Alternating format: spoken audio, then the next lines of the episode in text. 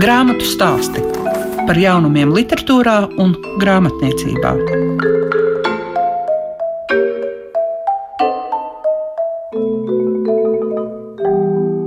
Cerams, ka ikvienam no jums arī grāmata spēja rast svētku noskaņu. To es jums novēlu arī šodien, klausoties grāmatu stāstus, un sveicienus jums sūta Lieka Piešiņa, kura šīs dienas raidījumā ļaus iepazīt Dzidrai Ritenbergai veltīto grāmatu, kurai ir dots nosaukums Es atrodu laimi. Ēd laimīgs, tā saka Ilze Veisbārde, un piedāvā pavāra grāmatu ar 105 ēdieniem. Un vēl par mēra šaleva, balodis un zēns. Grāmatu stāsti programmā Klasika. Es atradu laimi, tā saucas grāmata par Dzidru Ritenbergu, kas ir iznākusi Latvijas mēdījos. Edita Tišheizera ir tā, kas var izstāstīt gan par to ideju, gan kā šī atmiņu grāmata ir veidojusies. Tas sākums tam. Pirms gadiem septiņiem es rakstīju leģendu par Dzidu Ritenbergu Liepājas žurnālam Liepājas vēstules. Un tad es uzzināju, ka teātra muzejā ir viņas atmiņas rokraksts manuskripts. Un muzeja līdzstrādniece Margita Mantiņa bija tieši tas cilvēks, kas ar šo manuskriptu strādāja, kas viņu apstrādāja, kas tur komentē un tam līdzīgi. Un jau sāka viņu daļēji publicēt, bet tas bija tāds zinātnisks publikācijas dažādos žurnālos. Un es domāju, ka Margita Mantiņa viņa, viņa arī būtu šo grāmatu radījusi. Bet nu, 20. gada martā viņa ļoti negaidot aizgāja no dzīves. Un es domāju, ka tas manuskripts vienkārši palika bez saimnieces, ja tā varētu teikt. Un tad man uzrunāja izdevniecība Latvijas mēdī. Droši vien ir tāpēc, ka varbūt kaut kur tā leģenda karājās gaisā. Un uh, jautāja, vai es negribētu šo darbu uzņemties. Tā bija 2020. gada vasara. Brīnišķīga vieta pie amatas, veca skaista māja, kurā es tajā brīdī dzīvoju vasarā. Un tad es arī tur otrajā stāvā pa mazam gabaliņam liku šo grāmatu kopā. Vai tas bija piedzīvojums, jeb kas tas bija? Patiesībā Patiesībā tas bija, tas bija piedzīvojums. Nē, tas bija tāds kopā bruņinieka darbs, ka viņš ir izlicis visus savus dārgumus sev priekšā, un viņus pārskaita un pārskata un mēģina no viņiem, no tiem dārgumiem, iztaisīt kādu kopēju gleznu. Jo tie bija aktrises memoāri. Tas bija fantastiski interesanti, ka teiksim, par kaut kādām lietām, par kaut kādiem cilvēkiem viņa šodien raksta. Viņai ir labs garastāvoklis, un viņa raksta par to, cik viņa bija brīnišķīga un kā tas viss notika. Un tad viņa tieši par to pašu raksta sliktā garastāvoklī, bet uzrakstīts ir vienlīdz spoži. Viņai ir brīnišķīga valoda. Viņa raksta ļoti asi un tā nesaķemēti. Un tu tiešām to cilvēku pilnīgi redzi, bet tev gribas abus variantus. Jā, tas bija pats trakākais, ka tas jau nebija tā. Šodien piesēdās un secīgi rakstīja par savu dzīvi. Viņa rakstīja, kas tajā brīdī ienāca prātā, un apraksta to vienkārši fantastiski. Un tad tālāk, jā, tas bija, es nezinu, kaut kas vidējs starp gobelēnu un tamborēšanu. Vismaz es tā mēģināju sagrupēt, nu, noscīt bērnību. Tā bija brīnišķīgi aprakstīta. Nu, tā ir tā bērnu literatūra jau uz jaunsudrabiņa baltās grāmatas līmeni. Jā, un to atkal var laikam tikai aktris, ka viņi tiešām var iedomāties to savu dzīvi, pilnīgi bērnu acīm, nevis šodienas acīm, bet bērnu acīm redzēt cilvēkus, kas tur ienāk un, un, un, un visus savus radus. Tad nosacīta skolas laiks, kas reizē sakrīt ar lielajām, lielajām vēsturiskajām pārmaiņām. Un tad, protams, liels bloks ir mācības un teātris, Maskava, kino, Šīs daļas galīgi nebija līdzvērtīgas tieši materiāla apjoma ziņā, un atsevišķas vēl tur izdalīja vienkārši tādas, nu, es nezinu, atmiņu, tādas uzzipsnījumus. Brīžiem tas bija vienkārši tāds brīnišķīgs novēls. Tas cilvēks, nu, viņu nekur tur nevarēja ielikt, bet viņš bija uzrakstīts tik spoži, nu, ka tu viņu nevarēji arī neielikt. Katrā gadījumā, jā, brīžiem bija tā, ka tur vajadzēja par indiņai kombinēt. Tie ir visi viņas vārdi. Tur nav neviena mana vārda klāta. Bet tā kompozīcija brīžiem ir, varbūt viņa būtu likusi citādi. Nu jā, bet viņi ir izdarījuši galveno darbu, viņi to ir uzrakstījuši. Tagad jau kā mēs to interpretējam vai kā mēs to pārveidojam, tā jau ir saka, cita laika, bet tā ir iespēja. Kā arī iznāca tā, ka pēc tam ir šis bloks ļoti interesants klāt par kino. Tas jau bija jau tā sākotnēji domāts. Es nezinu, to jau arī izdevniecības redaktori droši vien sprieda. Viņi bija samērā maz rakstījis par kino, un praktiski gandrīz neko nebija rakstījis par Rīgas kino studiju. Un līdz ar to bija skaidrs, ja priekšvārdā es varēju kaut ko vairāk pateikt nu, kaut vai mazdrusciņi objektivizēt to informāciju, par ko viņi uzrakstīja ļoti subjektīvi un skaisti, bet tur nepārtraukti bija tāds caurvīja doma, mani nenovērtē, mani nenovērtē. Nu, ja paskatās kronikā, viņi ir spēlējusi visas galvenās lomas. Nu, jā, reizēm dublējusies, bet spēlējusi visas galvenās lomas, tā kā viņi pilnībā novērtēja. Ja es varēju bišķi objektivizēt teātri priekšvārdā, tad skaidrs, ka bija vajadzīgs arī tāds īpašs bloks kino. Un to ir uzrakstījis brīnišķīgi, uzrakstījis Dārā Boliņš, jo tas bija ļoti nozīmīgs. Viņas dzīves otrais veikums - teātris. Tas pirmkārt ir liepājas teātris, jo nu, Maskavas teātrī viņas karjera tu nebija tik veiksmīga. Un kino, protams, gan viņa kā kino aktrise, gan uh, viņa kā režisore. Nu, bez tā es domāju, tas viņas dzīves aptvērums nebūtu pilnīgs. Kā ir ar šo fotomateriālu, kura varbūt jums ir tāda bilžu bilde? Bija viena bilde, kas bija publicēta Tekilā. To bija atradusi Margita Mantiņa. Zida Ritenberga stāv Leņņģeradā, laikam viesnīcā uz balkona. Viņai ir brīnišķīgs vakartērps ar kailiem pleciem. Nu, viņa patiešām bija pirmā padomju aktrise, kurai bija šī neslēptā erotiskā pievilcība. Viņa izskatās tik ārkārtīgi pēc tādas pasaules līmeņa filmu zvaigznes. Pēc tādas zvaigznes, kur apzinās sevi, kur apzinās savu pievilcību, kur apzinās savu talantu. Vienlaikus uztver to kaut kā tā viegli un forši. Diemžēl tā bilde viņas šeit nav. Viņa tā arī neatradās, un es ļoti būtu gribējusi. Man liekas, tas izteica viņas būtību, ka ar visu to, ka viņi noteikti, kā visi nopietni mākslinieki, ir smagi strādājuši, viņi to kaut kā darīja arī ar tādu vieglumu, ar talantu vieglumu. Jo talants tas ir arī darīt to, kas citiem nāk grūti darīt to viegli. Man, piemēram, pašai bija tāda sajūta, un es šo to jau pat esmu noskatījusies, bet Kā jūs domājat, vai pēc šīs grāmatas izlasīšanas vispirms vajadzētu pievērsties un noskatīties viņas režisētās filmas vai tās, kurās viņa spēlē? Ai, tās, kurās viņa spēlē. Tur vajag noskatīties mālu, jo nu, tā filma patiesībā ir ļoti labi saglabājusies. Tur ir diezgan maz un nu, tāds varbūt drusku kinematogrāfiska nosacītība, jo visas zvejnieku sievas dzied kā profesionāls kurs. Bet tas ir gandrīz viss, jo Vladimirs Brauns bija savu laiku tāds ļoti patiesīgs režisors.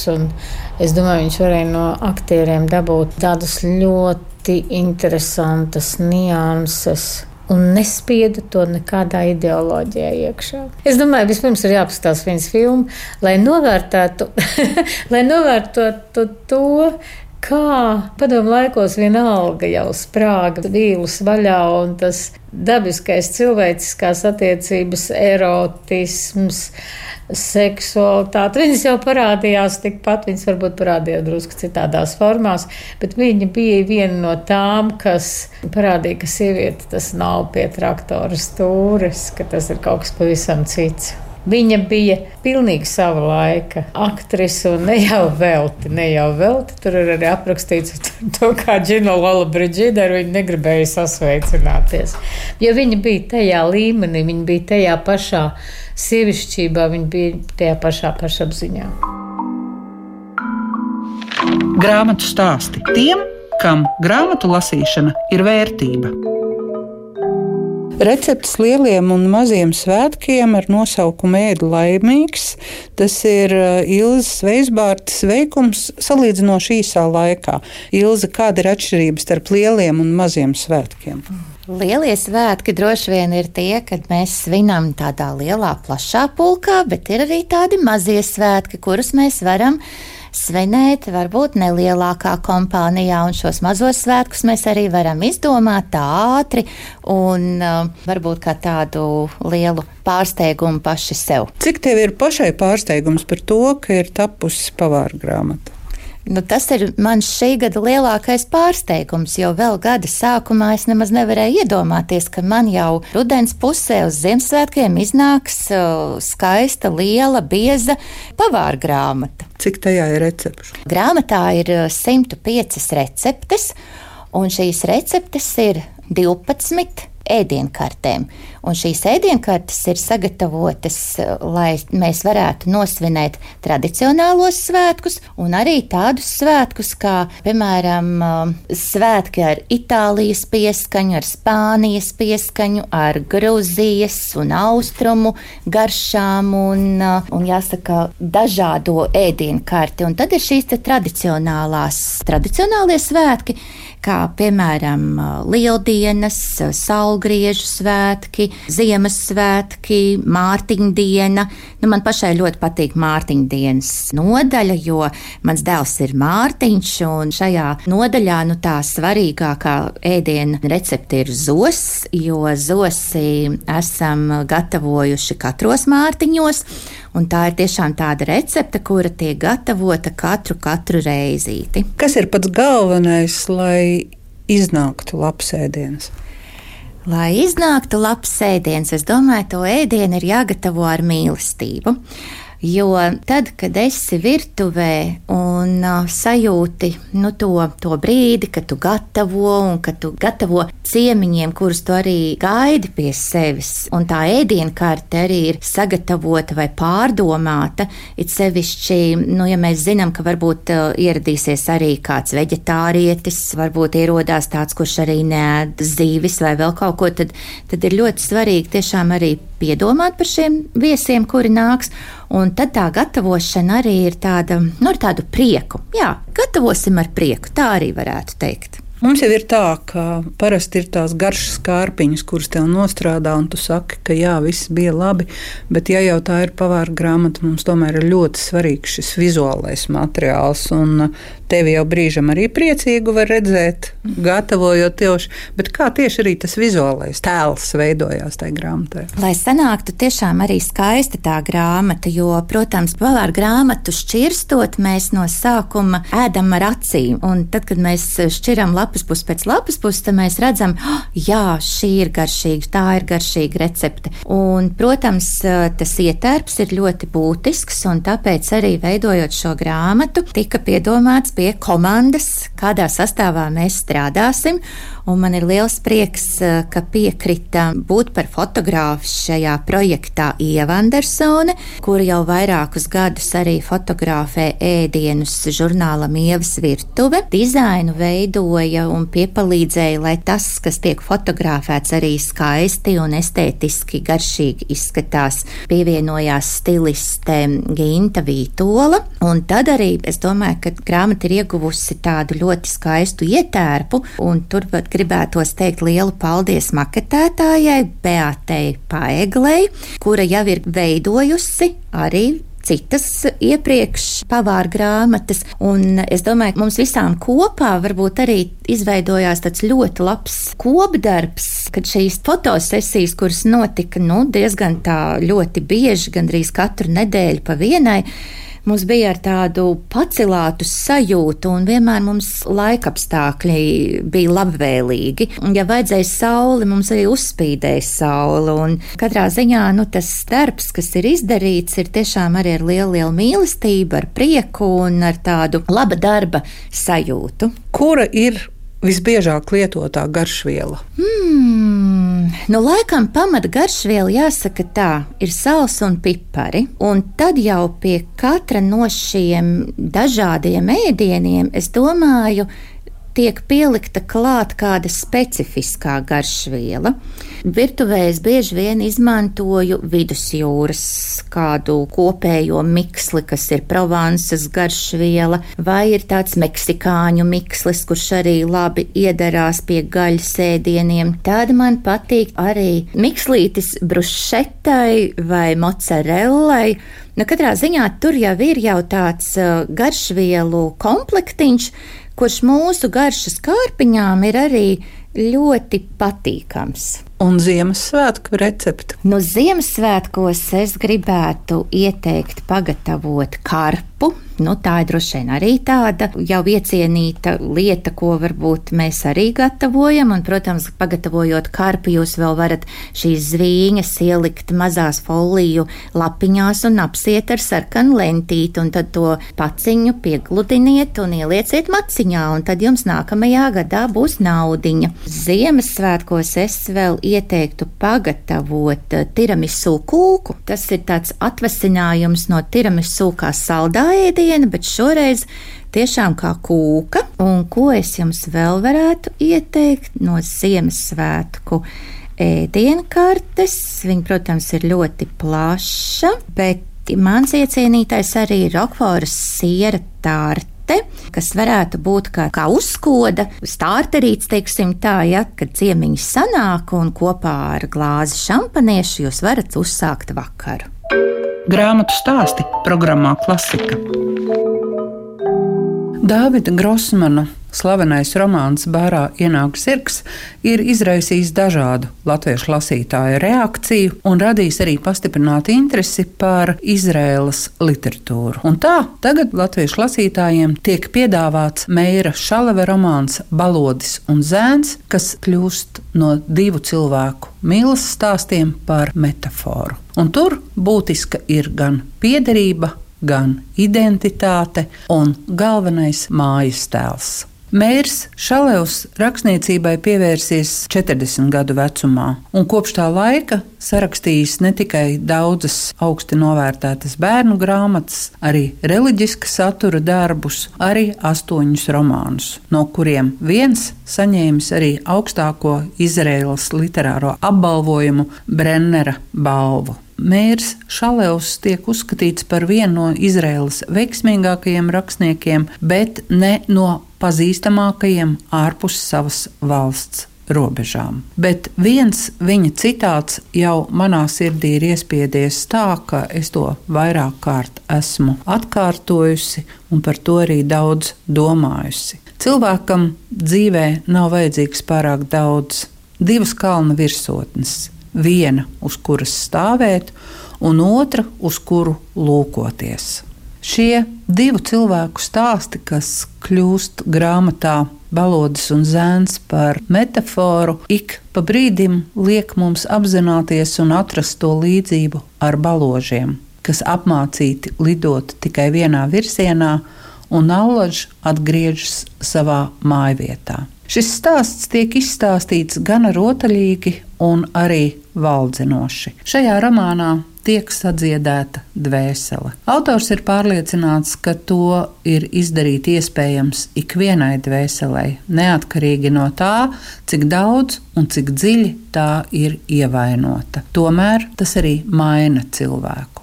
Maina neatgriezeniski. Grāmatā ir bezgalīgi daudz detaļu par pasta balāžu audzēšanu, mājas remontu, arī mīlestības stāsti. Mīlestības stāsti, kuri noved mūs pie pārliecības, ka stāsts, kaut arī vispirms ir par mājām, būtībā ir par dzimteni. Šeit tveramais un taustāmais līdzās netveramajam ir vienas rokas attālumā un rada to sajūtu, ka daudz kas iesakņojas gan zemē, gan arī otrā cilvēkā. Mājas piederības sajūta nenoliedzami nav iespējama arī bez savstarpējām attiecībām, un Mēra Šaleva grāmatā uzsvars tiek likts uz mātes un bērnu attiecībām. Un visu beidzot, ir arī jāpiemina vēstījuma stils, un te varam runāt par līdzībām. Līdzībām, kas saistīta ar Bībeli, kurā pateikts ir viss, kas mums jāzina, un tomēr pateikts tieši tā, ka atmiņā iespiežas ne jau morāls līmenis, bet pirmkārt dzīvie tēli. Izskan grāmatu stāsti. Šīs dienas raidījumā Edīte Tišheizera stāstīja par grāmatu Es atradu laimi, Dzidra Ritenberga. Ilze Veisbārde ir pārliecināta, ka pavāra grāmatai gana labs ir nosaukums Ēd laimīgs, un tas nozīmē, ka varat pasmelties 105 idejas dažādiem ēdieniem. Un vēl par mēra šaleva, balodis un zēns. Visu labu jums saka Liega Piešiņa.